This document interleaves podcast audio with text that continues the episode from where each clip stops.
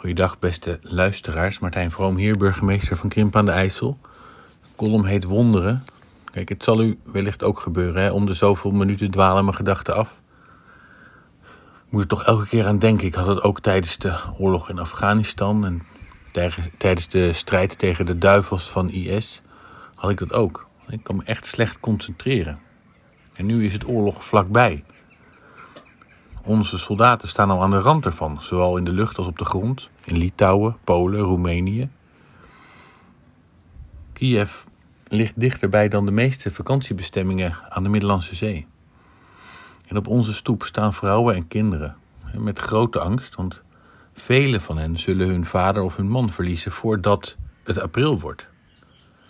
En dat zijn postbodes en acteurs en topsporters, maar ook boeren en oude vrouwtjes en administratief medewerkers die daar gewone mensen zijn, zoals u en ik, die daar achtergebleven zijn met een geweer in de hand en afwachten wat het kwaad vandaag weer gaat brengen.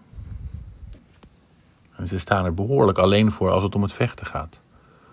Vrouwen die aan het bevallen zijn worden gebombardeerd, letterlijk. Een kerncentrale, een waterkrachtdam aangevallen. Ongehoord. Het is verboden, want zelfs in oorlog zijn er regels.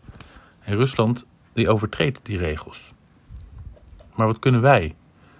U en ik? Ja, wat kunnen we?